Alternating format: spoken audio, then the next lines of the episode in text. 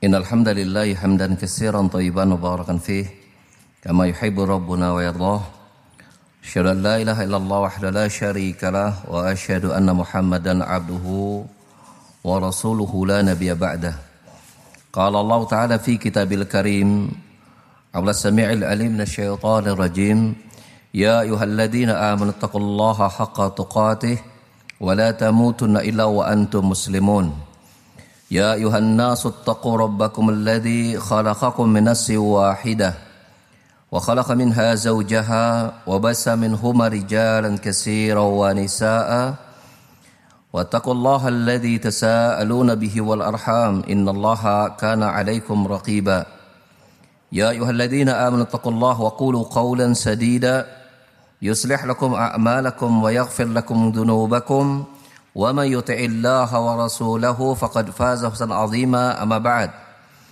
فإن خير الكلام كلام الله. وخير الهدى هدى محمد صلى الله عليه وسلم. وشر الأمور محدثاتها وكل محدثة بدعة كل بدعة ضلالة وكل ضلالة في النار. Ikhwana Fiddin azinallah wa iyakum Kita insyaAllah ta'ala akan membahas Di antara kandungan kitab fikih Al-Adiyah wal Azkar itu bagaimana kita memahami doa-doa dan zikir-zikir yang ditulis oleh Syekh Profesor Dr. Abdul Razak bin Abdul Musin Al-Badr Hafizahullah Ta'ala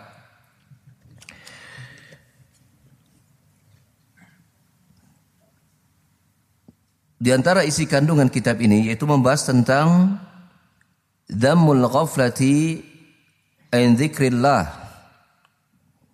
Celaan terhadap sikap lalai dari berzikir kepada Allah Subhanahu wa taala.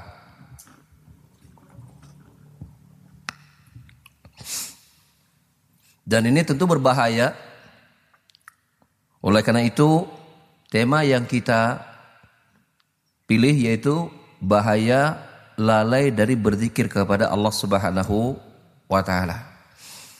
Berkata penulis, "Inna Allah tabaraka wa ta'ala lamma amara bi dzikrihi fil Qur'anil Karim wa hasa 'alaihi wa raghaba fihi fi ayyi kasiratin min hadzara aidan min al-wuqu' fi dhiddih wa huwa al-ghaflah."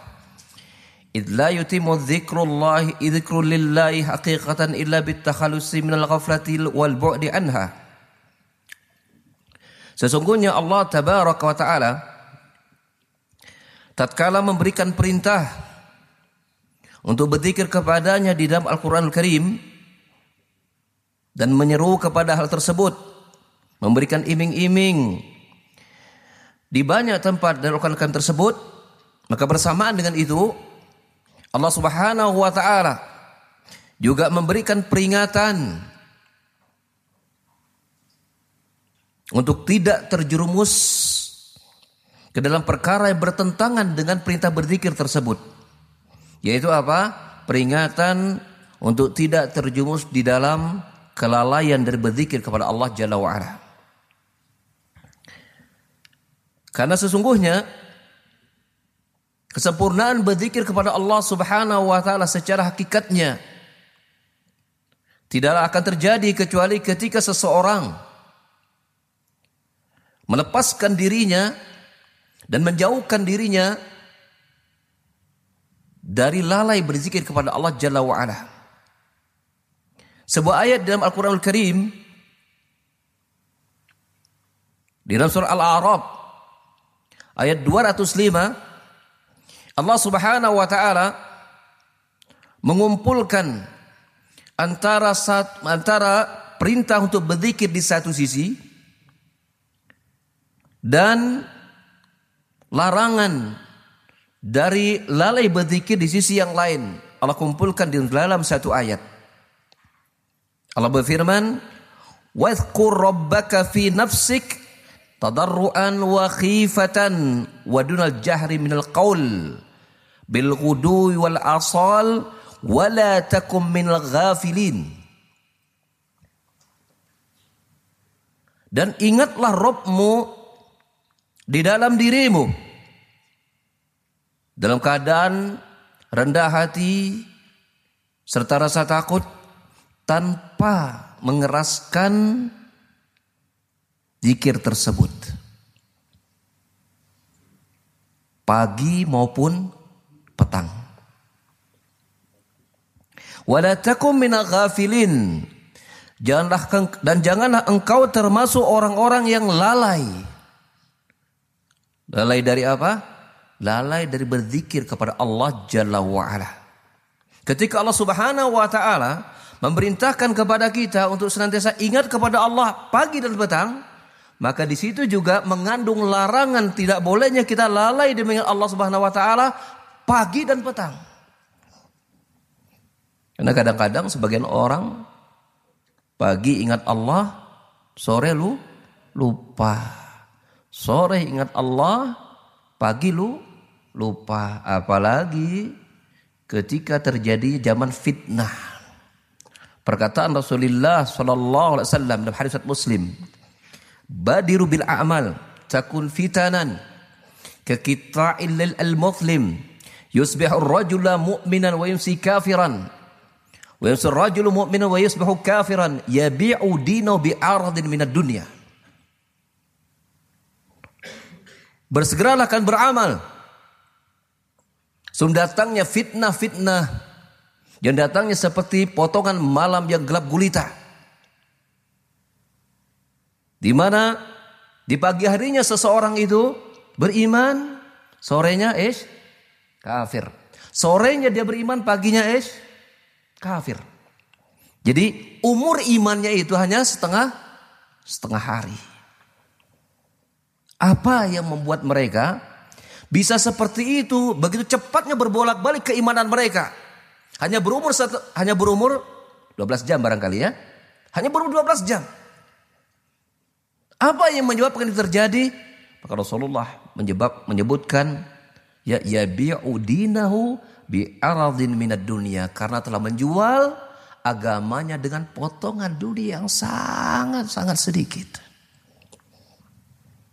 Di zaman sekarang ini, zaman now katanya ya, Zaman now ini disingkat janau. Kalau zaman dulu jadul. Adalah zaman di mana fitnah yang membuat seorang muslim mudah lalai dari Allah Subhanahu wa taala yang sedemikian dahsyat dan hebatnya. Seorang penghafal Al-Qur'an saja memiliki hafalan 30 juz. Ya, kita alhamdulillah sudah hafal juga 30-nya. Tapi juznya di depan. Ya, juz 30 maksudnya alhamdulillah. Itu pun tak sanggup menghadapi fitnah syahwat pada hari ini. Di pagi harinya atau di malam harinya membaca Al-Quran Mungkin di pagi harinya dia telah sibuk dengan ya fitnah-fitnah yang ada. Di pagi harinya dia membaca Al-Quran, mungkin di malam harinya dia telah sibuk dengan fitnah-fitnah yang ada. Setiap orang pada hari ini dihadapkan pada sebuah kebebasan yang sangat luar biasa tanpa batas untuk berbuat dosa kepada Allah Subhanahu wa taala tanpa ada satu orang pun yang menghakiminya, menghukuminya menjadi sebuah perbuatan kriminal. Siapakah? Ya, penjahat besar. Ya, yang merusak keimanan secara besar. Pada hari ini tentu bagi mereka yang salah dalam sikapinya jawabannya adalah apa, Cing? Tahu nggak? Ada di kantong-kantong antum semua pada hari ini. Apa itu? Hah? Si AA Android maksudnya. Itu musuh paling besar pada hari ini.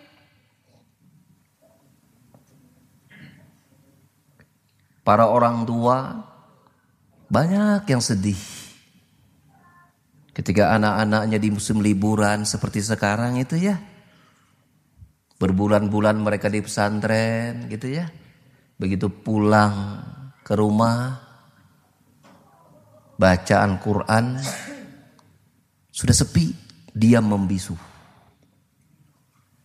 Tangannya bergerak bukan membaca takbir, tasbih dan tahmid. Tapi mencet sana, mencet sini. Sibuk memainkan ya edisi terbaru game yang dikeluarkan oleh perusahaan tertentu dalam dunia online. Bukankah itu terjadi? Banyak. Mungkin juga menimpa para mahasiswa. Eh mahasiswi senang game online enggak? Mungkin ada.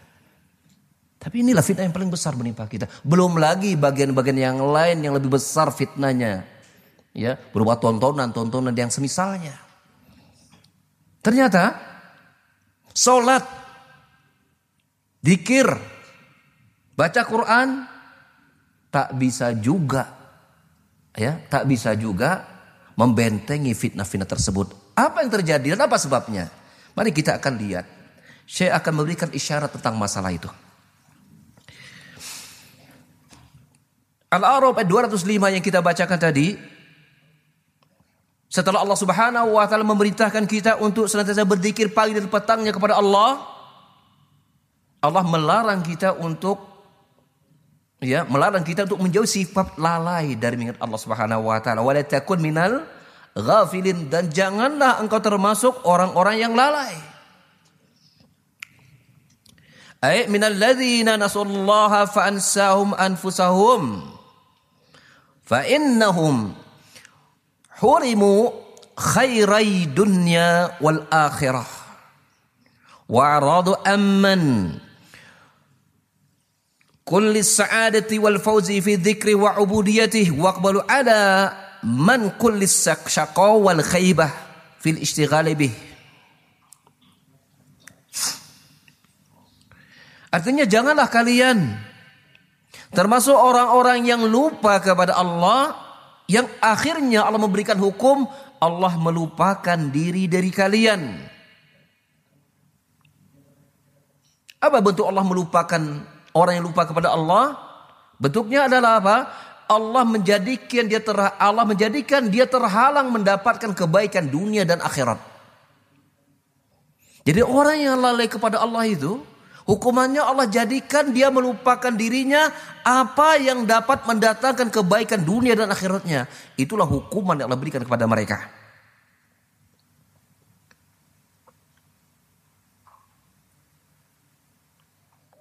Realita yang mereka hadapi akhirnya adalah mereka berpaling dari setiap pintu-pintu yang membawa kebahagiaan mereka dan keberuntungan mereka dalam berzikir dan beribadah kepada Allah Subhanahu wa taala.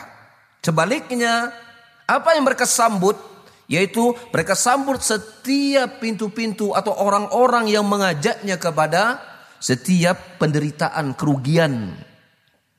Ya, dan berpaling dari berzikir dan beribadah kepada Allah Subhanahu wa taala. Wal ghaflatu da'un khatir. Lalai dari mengingat Allah dia adalah penyakit yang sangat-sangat berbahaya.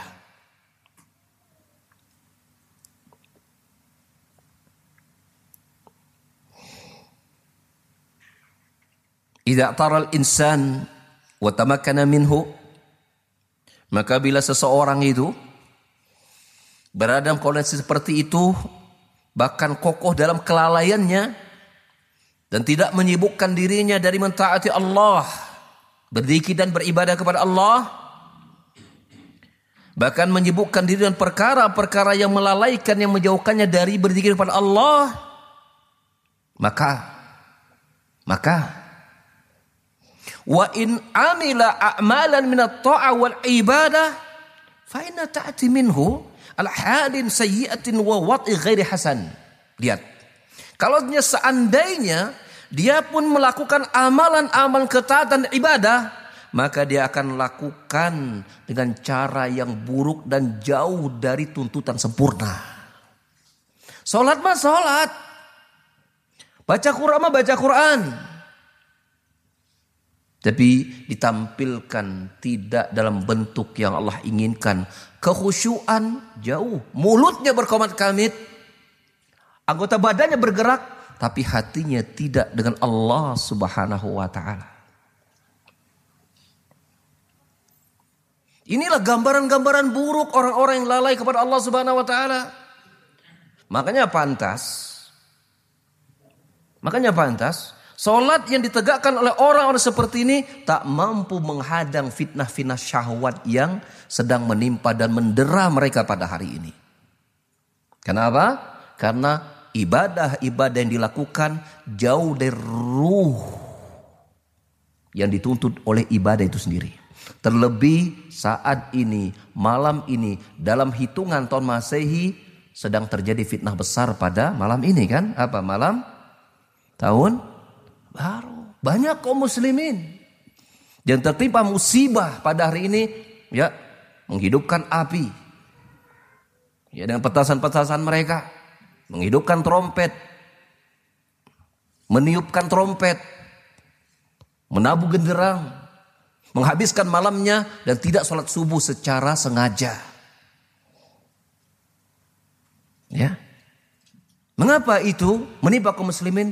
Jawabannya adalah sebab utama mereka tak lagi mengagungkan Allah Azza wa Jalla. Ikhwas kalian, rahimanallahu wa. Bila ada pertanyaan kepada antum atau kepada kita semua, apa arti ayat berikut Wa ma khalaqtul jinna wal insa illa liya'budun. Apa jawabannya?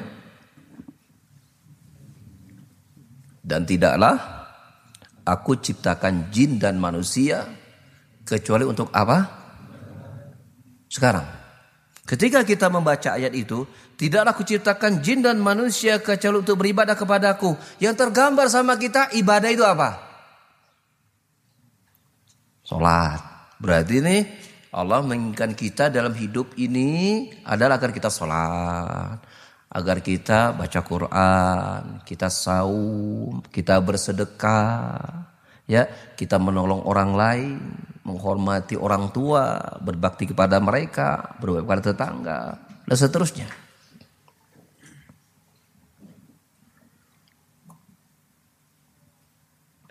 Apakah salah kita melakukannya? Jawabannya tidak. Tetapi ada yang lebih besar pemaknaan kita pada ayat itu.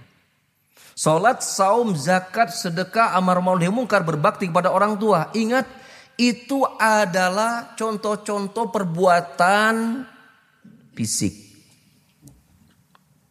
Tetapi itu hanya bisa menjadi sebuah rutinitas yang tak melahirkan atau yang tidak merealisasikan hakikat ibadah. Kalau kita tidak mengetahui apa itu ibadah. Ikhwas sekalian, perlu kita fahami bahwa kata ibadah itu, kata ibadah itu diambil akar katanya dari torikun mu'abbad. Apa artinya torikun mu'abbad? Jalan yang diinjak-injak. Posisi di bawah yang direndahkan. Maka unsur atau ruh hakiki dari ibadah adalah ketika seseorang merasa di hadapan Allah dia apa? Rendah. Dia hina. Makanya orang yang dikatakan dia menghinakan diri, merendahkan dirinya kepada yang lain, apalagi kepada Allah namanya apa? Hamba. Adalah apa? Hamba. Nah, kualitas seorang muslim dalam merealisasikan kalimat wa ma khalaqtul jinna wal insa liya'budun itu ditentukan kadar rasa yang ada dalam hatinya ketika dia menghinakan diri kepada Allah. Kalau sudah menghinakan diri, berarti Allah itu kecil atau besar? Makan maha besar. Allah itu agung atau tidak? Bahkan maha agung. Maka bila ini tidak ada pada setiap pelaksanaan ibadah, maka hakikatnya dia hanya bibir yang bergerak dan anggota badan yang bergerak. Pantas kemudian ya salatnya tidak bisa melahirkan yanha anil fahsya wal mungkar. Tidak bisa mencegah perbuatan keji dan mung, mungkar. Karena sholat yang dilakukan hanya merupakan gerakan bibir dan anggota badan. Dia mengubah hakikat ibadah menjadi ada. Tahu antum artinya ada? Ya? Ada itu menjadi apa? Kebiasaan. Dia mengubah, mengubah hakikat membaca Quran yang itu adalah hakikatnya ibadah, dia ubah menjadi sebuah rutinitas. Kemarin sholat. Ya sekarang juga sholat. Kemarin baca Quran. Sekarang juga baca Quran. Hanya berupa rutinitas. Apa yang membuat itu terjadi? Mengapa hakikat ibadah berubah menjadi ada kebiasaan? Karena apa? Ruh dari ibadah itu tidak dia jaga. Apa? Sikap merendahkan diri kepada Allah dan mengagungkan Allah sejujurnya, seutuhnya ini yang hilang pada orang tersebut. Maka para jamaah sekalian, ghaflah. Ya, daun khatir. Lalai dan mengingat Allah, rendah dari jauh dari mengagungkan Allah, ini penyakit yang sangat berbahaya. Sehingga orang sholat pun, orang zikir pun, orang beribadah pun, hakikatnya dia tidak sedang bersama Allah. Ya. Nilainya di sisi Allah kecil. Nilainya di sisi Allah kecil. Sekecil dia memposisikan Allah. Maka sebesar apakah seseorang itu di sisi Allah sangat tergantung hatinya membesarkan Allah atau tidak.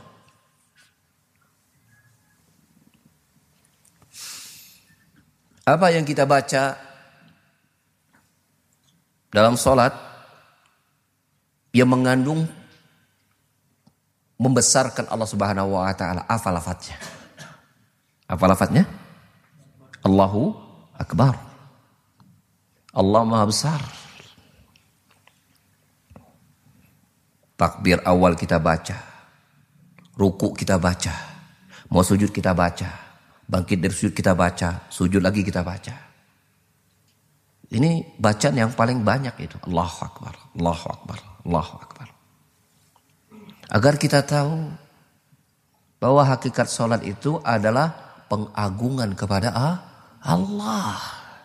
Maka janganlah seorang muslim itu bila dia ingin sampai pada hakikat ibadah dalam sholat, pengagungan Allah itu tidak dihadirkan.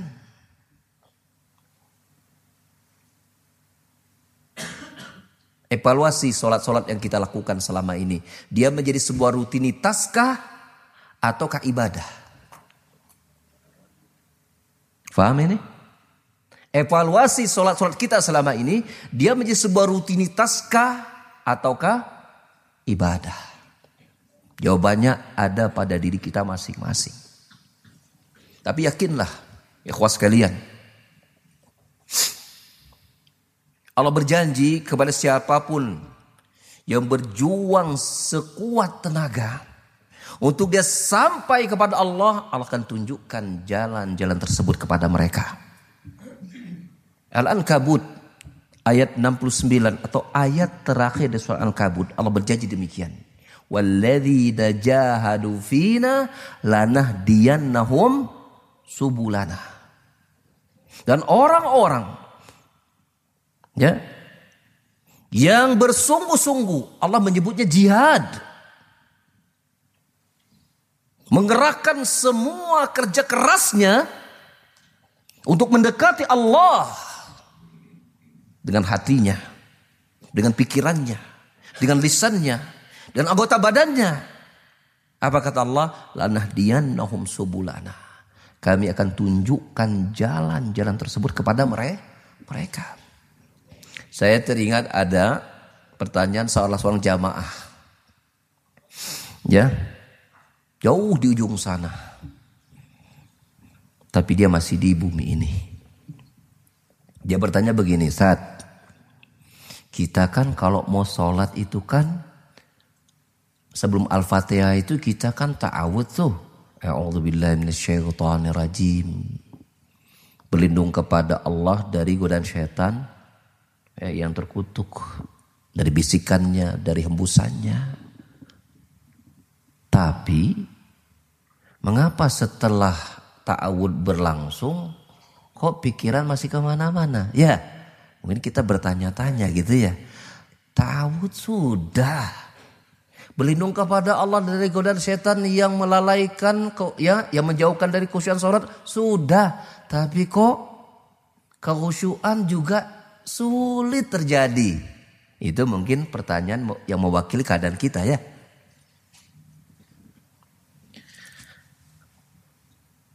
Allahu alam bisawab. Mungkin jawabannya begini. Ketika kita mengucapkan a'udzubillahi ya Allah, aku berlindung kepadamu dari tipu daya syaitan. Saat itu kita sedang berdoa dan bertawakal kepada Allah. Tetapi ingat, sebuah tawakal hanyalah dikatakan tawakal kalau diiringi dengan juga usaha. Usaha. Diiringi dengan usaha usaha hati Anda bila memang jujur ya, bila memang jujur di awal sholat betul-betul telah menyerahkan diri berlindung kepala dengan syaitan. Dengan syarat memang hati sudah berlindung kepada Allah, bukan komat kami Allah syaitan rajim, tapi tidak jujur karena hatinya tidak hadir. Ya, kita berasumsi hatinya telah jujur menyerahkan diri kepada Allah. Tapi ingat, itu belum cukup sampai dia mengiringan usahanya. Apa itu? Hati berusaha untuk hati sudah bertawal kepada Allah, tapi harus ada usaha untuk menjaga konsentra konsentrasi. Syaitan ya, ini faktor pengganggu di luar kita. Tetapi faktor pengganggu yang tidak ada ya Bila tidak ada daya dorong dari dalam, maka ibadah itu tidak akan maju. Paham tidak? Jadi harus ada daya dorong dari dalam. Berubah apa? Keinginan kuat untuk khusyuk dalam sholat. Maka bila keinginan kuat untuk khusyuk dalam sholat itu terjadi, berlindung kepada Allah dari godaan syaitan, juga telah dilakukan, insya Allah kehusyuan itu akan lebih dekat, mudah dirasakan. Karena Allah telah berjanji yang bersungguh-sungguh untuk berkatkan diri kepada kami, kami akan tunjukkan jalan-jalan itu kepada mereka. Syaratnya apa? Bersungguh-sungguh. Syaratnya adalah apa? Bersungguh-sungguh. Ikhwan sekalian, rahimanallahu wa iyyakum.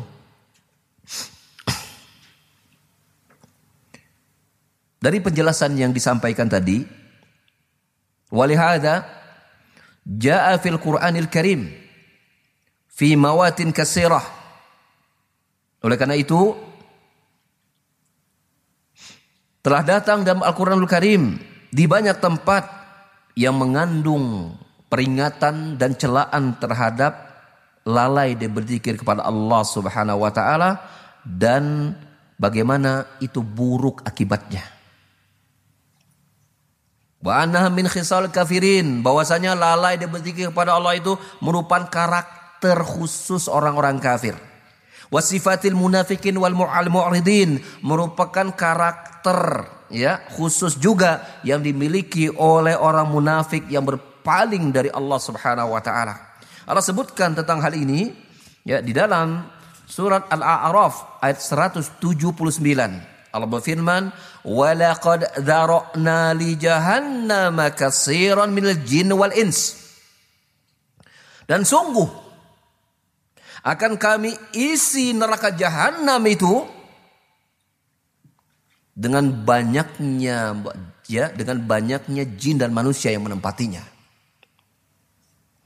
Laum qulubun la yaf la yafqahuna biha. Mereka itu memiliki hati ini mengapa mereka kemudian akan dijanjikan masuk neraka oleh Allah Subhanahu wa taala kan di dunianya mereka itu memiliki hati, memiliki pemikiran, memiliki kemampuan untuk mengolah jiwa dan otak mereka, tapi mereka tidak gunakan untuk memahami tanda-tanda kebesaran Allah.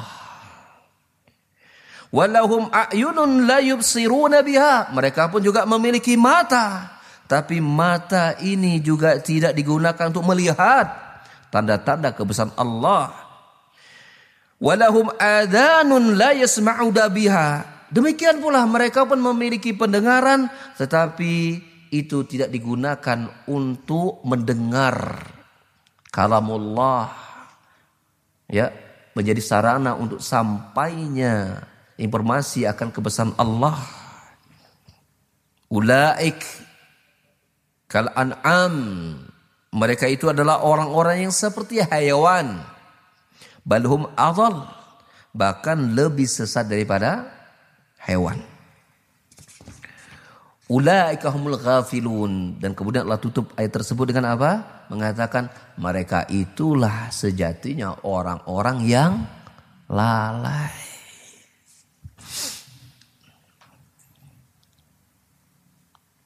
Kecerdasan akal, kecerdasan otak, ketajaman dalam memandang, kekuatan dalam mendengar tak menjamin seseorang itu menjadi orang yang takut kepada Allah.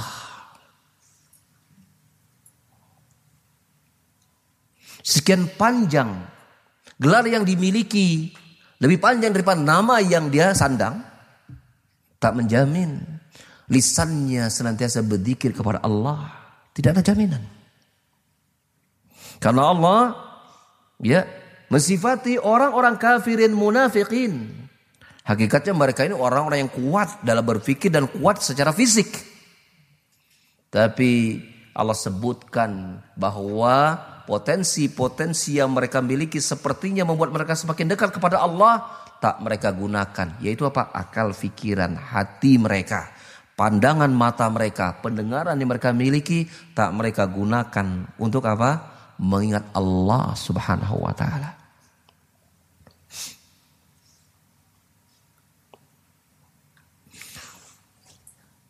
Saya mau tanya sama antum. Untuk menjadi koruptor ulung itu harus cerdas tidak? Hmm? Apa jawabannya? Untuk menjadi koruptor ulung itu harus cerdas atau tidak? Harus. Saya menyebutnya koruptor ulung loh ya. Bukan kelas tri, kelas kakap. Dia harus cerdas. Mungkin kita bilang IQ-nya harus IQ IQ tinggi ya. Kalau tinggi berapa sih kurang IQ saya nggak tahu. Tiga gitu. Berapa sih IQ? Apa?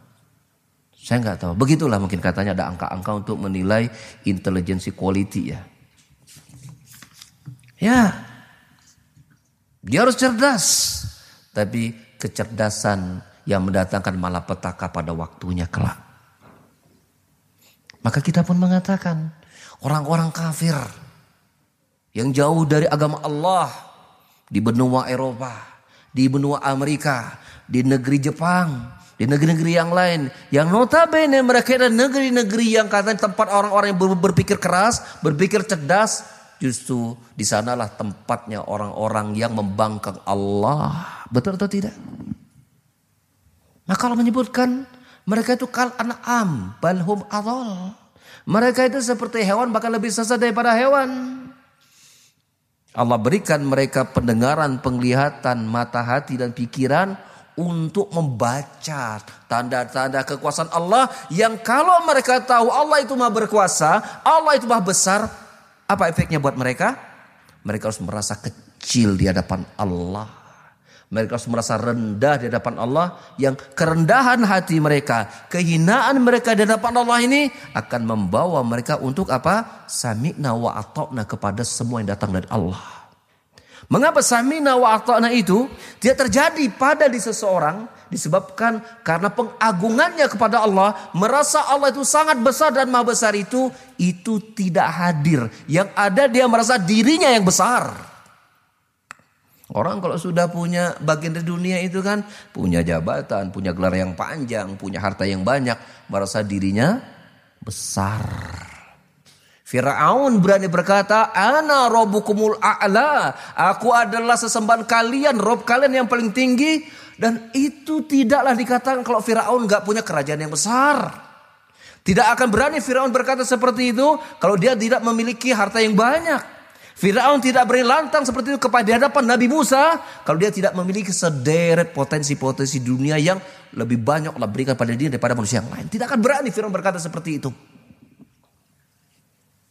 Pembangkangan terhebat Firaun disebabkan karena dia merasa dirinya besar dengan apa yang dia miliki.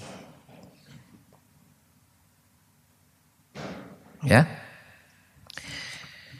Allah sifatkan tentang keberadaan secara umum orang-orang kafir, ya adalah orang-orang yang lalai. Di surah Ar-Rum ayat 7. Sebelum kita lanjutkan, maaf ya, materi kita ini hanya sampai Isya ya. Habis Isya, ya kalau antum masih betah silakan. Tapi saya mau pamit. Antum lanjutkan dengan zikir sendiri-sendiri ya. Arum ayat yang ke berapa tadi? Iya berarti antum ya. ya still with me ya. Antum ma'i. Arum ayat 7 Allah sifatkan karakteristik khusus orang kafir adalah lalai dari mengingat Allah. Apa kata Allah? Ya'lamuna zahiran minal hayati dunya wahum anil akhirati hum ghafilun. Tuh orang-orang kafir tuh. Kalau soal ilmu-ilmu penelitian dan kedalaman ya berkaitan dengan kehidupan dunia, keadaan bumi. Uh, mereka itu paling jago dalam masalah itu. Biar tentang ilmu kelangitan. Bicara ilmu kelautan. Ya, bicara ilmu kelilipan. Pokoknya pakai kepan gitu aja udah. Mereka itu paling jago. Ya kalau kelilipan kan berarti ilmu kesehatan ya maksudnya ya. Paling jago itu. Alat-alat pendidikan kepada itu itu mereka kuasai. Allah sudah mensifatkan mereka itu, iya memang seperti sejak dulu juga begitu.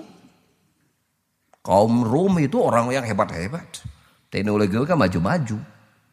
Allah tidak Allah tidak nafikan itu terjadi pada mereka. Ya'lamuna zahiran min hayati dunia. Kalau soal ya kehidupan dunia ini mereka memang udah ahli dalam masalah itu. Tapi lihat Allah sebutkan pada pada lafaz belakangnya. Wahum anil akhirati hum kafirun. Tapi kalau untuk urusan akhirat ngacir dia. Gak mau peduli sama sekali. Jadi jangan heran kalau pada hari ini orang-orang mukmin pun berlaku dan mengadopsi sifat-sifat orang kafir seperti ini Ketika mereka lebih mendahulukan kepentingan-kepentingan dunia mereka, maka akibatnya mereka akan lupa terhadap akhirat mereka. Jangan heran kalau kita tanya kepada dia, Pak, wudhu yang benar seperti apa? Enggak tahu. Padahal kalau bicara tentang jabatan sudah sangat strategis. Kalau gelar yang dia sandang lebih panjang daripada namanya. Jangan heran. Karena menganggap penelitian-penelitian dalam masalah dunia ini begitu besar dari dirinya. Dia merasa penguasa tapi dunianya itu sudah segalanya. Kita mengatakan bahwasanya Islam tidak mengharamkan menutup pintu-pintu penelitian dunia. Tidak. Tetapi dengan niat apa Anda mendalaminya?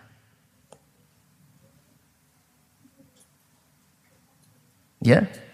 Kemudian ketika Anda mendalaminya, apakah pesan apakah bekal-bekal untuk kematian Anda dari ke kamu akhirat nanti itu juga sudah Anda dalami dan Anda juga sudah siapkan? Tidak masalah dan bahkan itu menjadi sebuah ke keuntungan kaum muslimin. Seorang profesor, seorang peneliti yang ahli wudhu, yang ahli salat, yang ahli saum, profesor, dokter Anu, kalau adan uh, merdu banget. Ya. Kalau baca jadi imam sholat itu uh, tartil, tajwidnya, hafalnya 30 juz. Profesor Dr. Anu, Masya Allah. Tapi susah ya cari ya.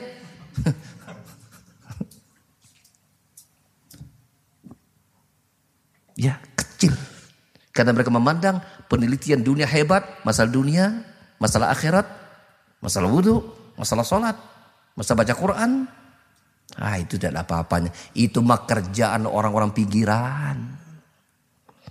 Yang itu mah pakainya orang-orang sarungan itu. Dihandap kecil amalan-amalan ibadah kepada Allah Subhanahu wa taala. Itu hukuman yang Allah berikan kepada orang yang lalai kepada akhirat. Apa itu? Mengecilkan amalan ketaatan.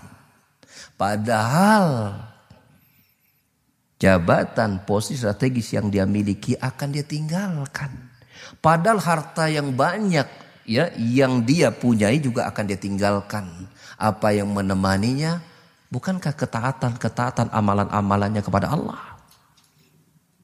Orang yang lalai dari kampung akhirat sangat teliti dalam urusan dunia, tapi tidak mau teliti dalam urusan akhirat. Bagi dia, yang penting saya sholat, yang penting saya berwudu. Kenapa dia tidak teliti? Saya ingin meneliti tentang wudhu saya. Wudhu saya ini sudah tepat atau benar? Saya ingin teliti sholat saya, sudah sudah, uh, sudah tepat atau tidak? Urusan akhirat, dia tidak kembangkan ilmu penelitiannya. Tapi untuk urusan dunia, dia kembangkan ilmu penelitian, hipotesanya dan sasa yang lain lah. Gitu. Ya. Maka ini penyakit orang-orang kafir hakikatnya yang orang muslim itu tidak boleh mengadopsinya. Karena mengedepankan dunia, lupa mengingat akhirat itu karakter khusus siapa? Orang-orang kafir. Maka orang mukmin itu tidak boleh mengadopsinya pola pikir yang seperti ini. Para sahabat ini cerdas-cerdas. Ali bin Abi Talib itu pada dipinta Rasulullah SAW untuk mempelajari sebuah bahasa apa saya lupa nama bahasanya hanya dengan enam hari bahasa asing enam hari selesai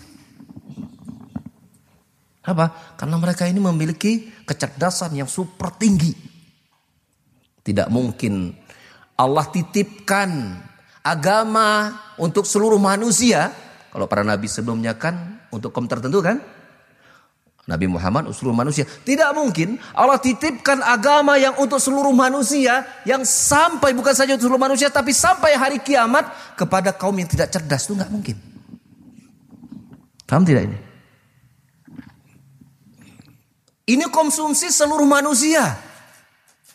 Bukan saja seluruh manusia, waktu rentangnya sampai hari kiamat. Sesuatu yang besar atau tidak? Yang besar. Tidak mungkin Allah titipkan sepeninggal Rasulnya SAW kepada kaum yang rendah otaknya. Dangkal IQ-nya nggak mungkin. Pahami oleh kita seperti itu. Makanya mereka bisa menghafal Quran dengan perkataan-perkataan Rasul. Perkataan-perkataan Rasul. Kita di zaman sekarang yang katanya cerdas ngafalin Al-Fatihah plus apa ya? Plus Al-Lail mungkin susah. Katanya cerdas. Ngafal Al-Fatihah. Oh sudah Ustaz. Al-Lail. Wal-laili idza yaghsha. Apa Ustaz berikutnya? Katanya cerdas. Susah. Jangan 30 juz, juz 30 itu mati-matian ngapalinya. Harus pesulah. Apa yang membedakannya? Keberkahan akal mereka. Keberkahan, kebeningan hati mereka. Karena jiwa, ya, jiwa yang bersih dengan hati yang tulus untuk beribadah kepada Allah, lalu kemudian diberikan potensi kecerdasan, itu menjadi orang yang akan mudah untuk apa ya? Untuk mendapatkan nikmatnya. Ya, kampung akhirat sebelum dia rasakan itu. Syekhul Islam Taimiyah rahimahullah taala berkata, "Man lam yajid man lam yajid raihatal ya ah raihatal jannah fi dunia lam yajid raihatal jannah fil akhirah." Barang siapa yang tidak merasakan harumnya lezatnya surga dunia, dia tidak akan merasakan harum lezatnya surga di akhirat. Apa? Apa surga dunia itu? Itu apa? lezat kelezatan iman.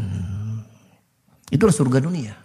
Maka barang siapa yang bisa merasakan kelezatan iman dan merupakan surga dunia, maka dia insya Allah Allah akan berikan ya, kenikmatan merasakan lezatnya surga di di akhirat. Syaratnya adalah apa? Jaga sikap kita kepada Allah dengan selalu mengingat Allah Subhanahu wa taala. Maka tampilkan bentuk keutuhan berzikir kita kepada Allah dalam sholat. Tampilkan pengagungan kita ketika kita baca Quran. Ketika kita berzikir dengan dikir-dikir tertentu, mungkin dikir habis sholat. Imam baca Assalamualaikum warahmatullah. Assalamualaikum warahmatullah. Dikir tuh Subhanallah Subhanallah. Pengennya cepat selesai. Subhanallah Subhanallah Subhanallah Subhanallah, subhanallah. Alhamdulillah Alhamdulillah Alhamdulillah Allah Allah Allah Buru-buru mau ke mana sih bro? Dikir itu adalah makanan hati. Maka nikmatilah dikir itu.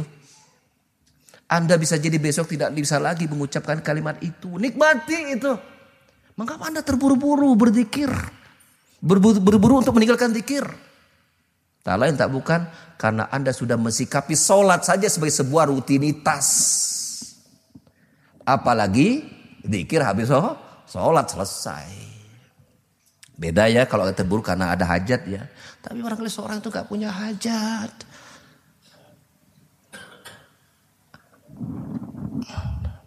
Muadan ya? Insya Allah. Apa sih bacaan pagi petang yang kita baca satu kali yang membuat dosa kita diampuni? Ya, kebaikan diberi satu kebaikan. Apa sih bacaannya? Subhanallah bihamdi. Ya kan? Satu kali ya. Itu orang kalau nggak paham dan tidak mau menikmati dikir itu, ah berat itu. Seratus, ah, selama banget. Oh, bihamdi subhanallah. Ah, ah, dah pulang aja. Benar nggak? Oh nanti aja di rumah.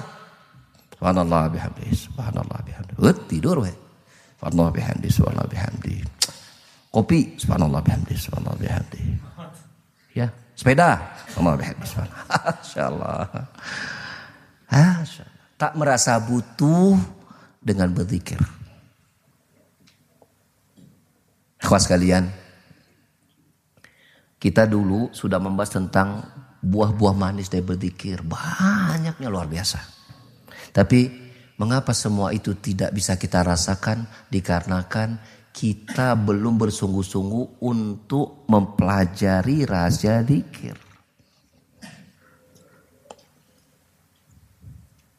Kita tidak berusaha menghadirkan hati pada dikir yang kita baca. Coba misal, ya, dalam sholat. Kita tahu nih sholat ini adalah kita berdiri di hadapan Allah subhanahu wa ta'ala. Yang kelak pada hari kiamat kita juga akan berdiri di hadapan Allah subhanahu wa ta'ala. Kita tidak bisa berbuat apa-apa. Pernahkah hadir pada diri kita, ya Allah saat ini engkau aku berada di hadapanmu, kelak aku di hari kiamat, aku juga di padang masyarakat berdiri di hadapanmu, ya Allah. Kemudian kita mengucapkan Allahu Akbar. Ya Allah engkau itu maha besar ya Allah. Betapa sombongnya aku selama ini ya Allah yang merasa diriku besar. Merasa amalanku sudah banyak. Merasa amalan sudah hebat-hebat. Merasa apa yang aku miliki indah itu sudah besar.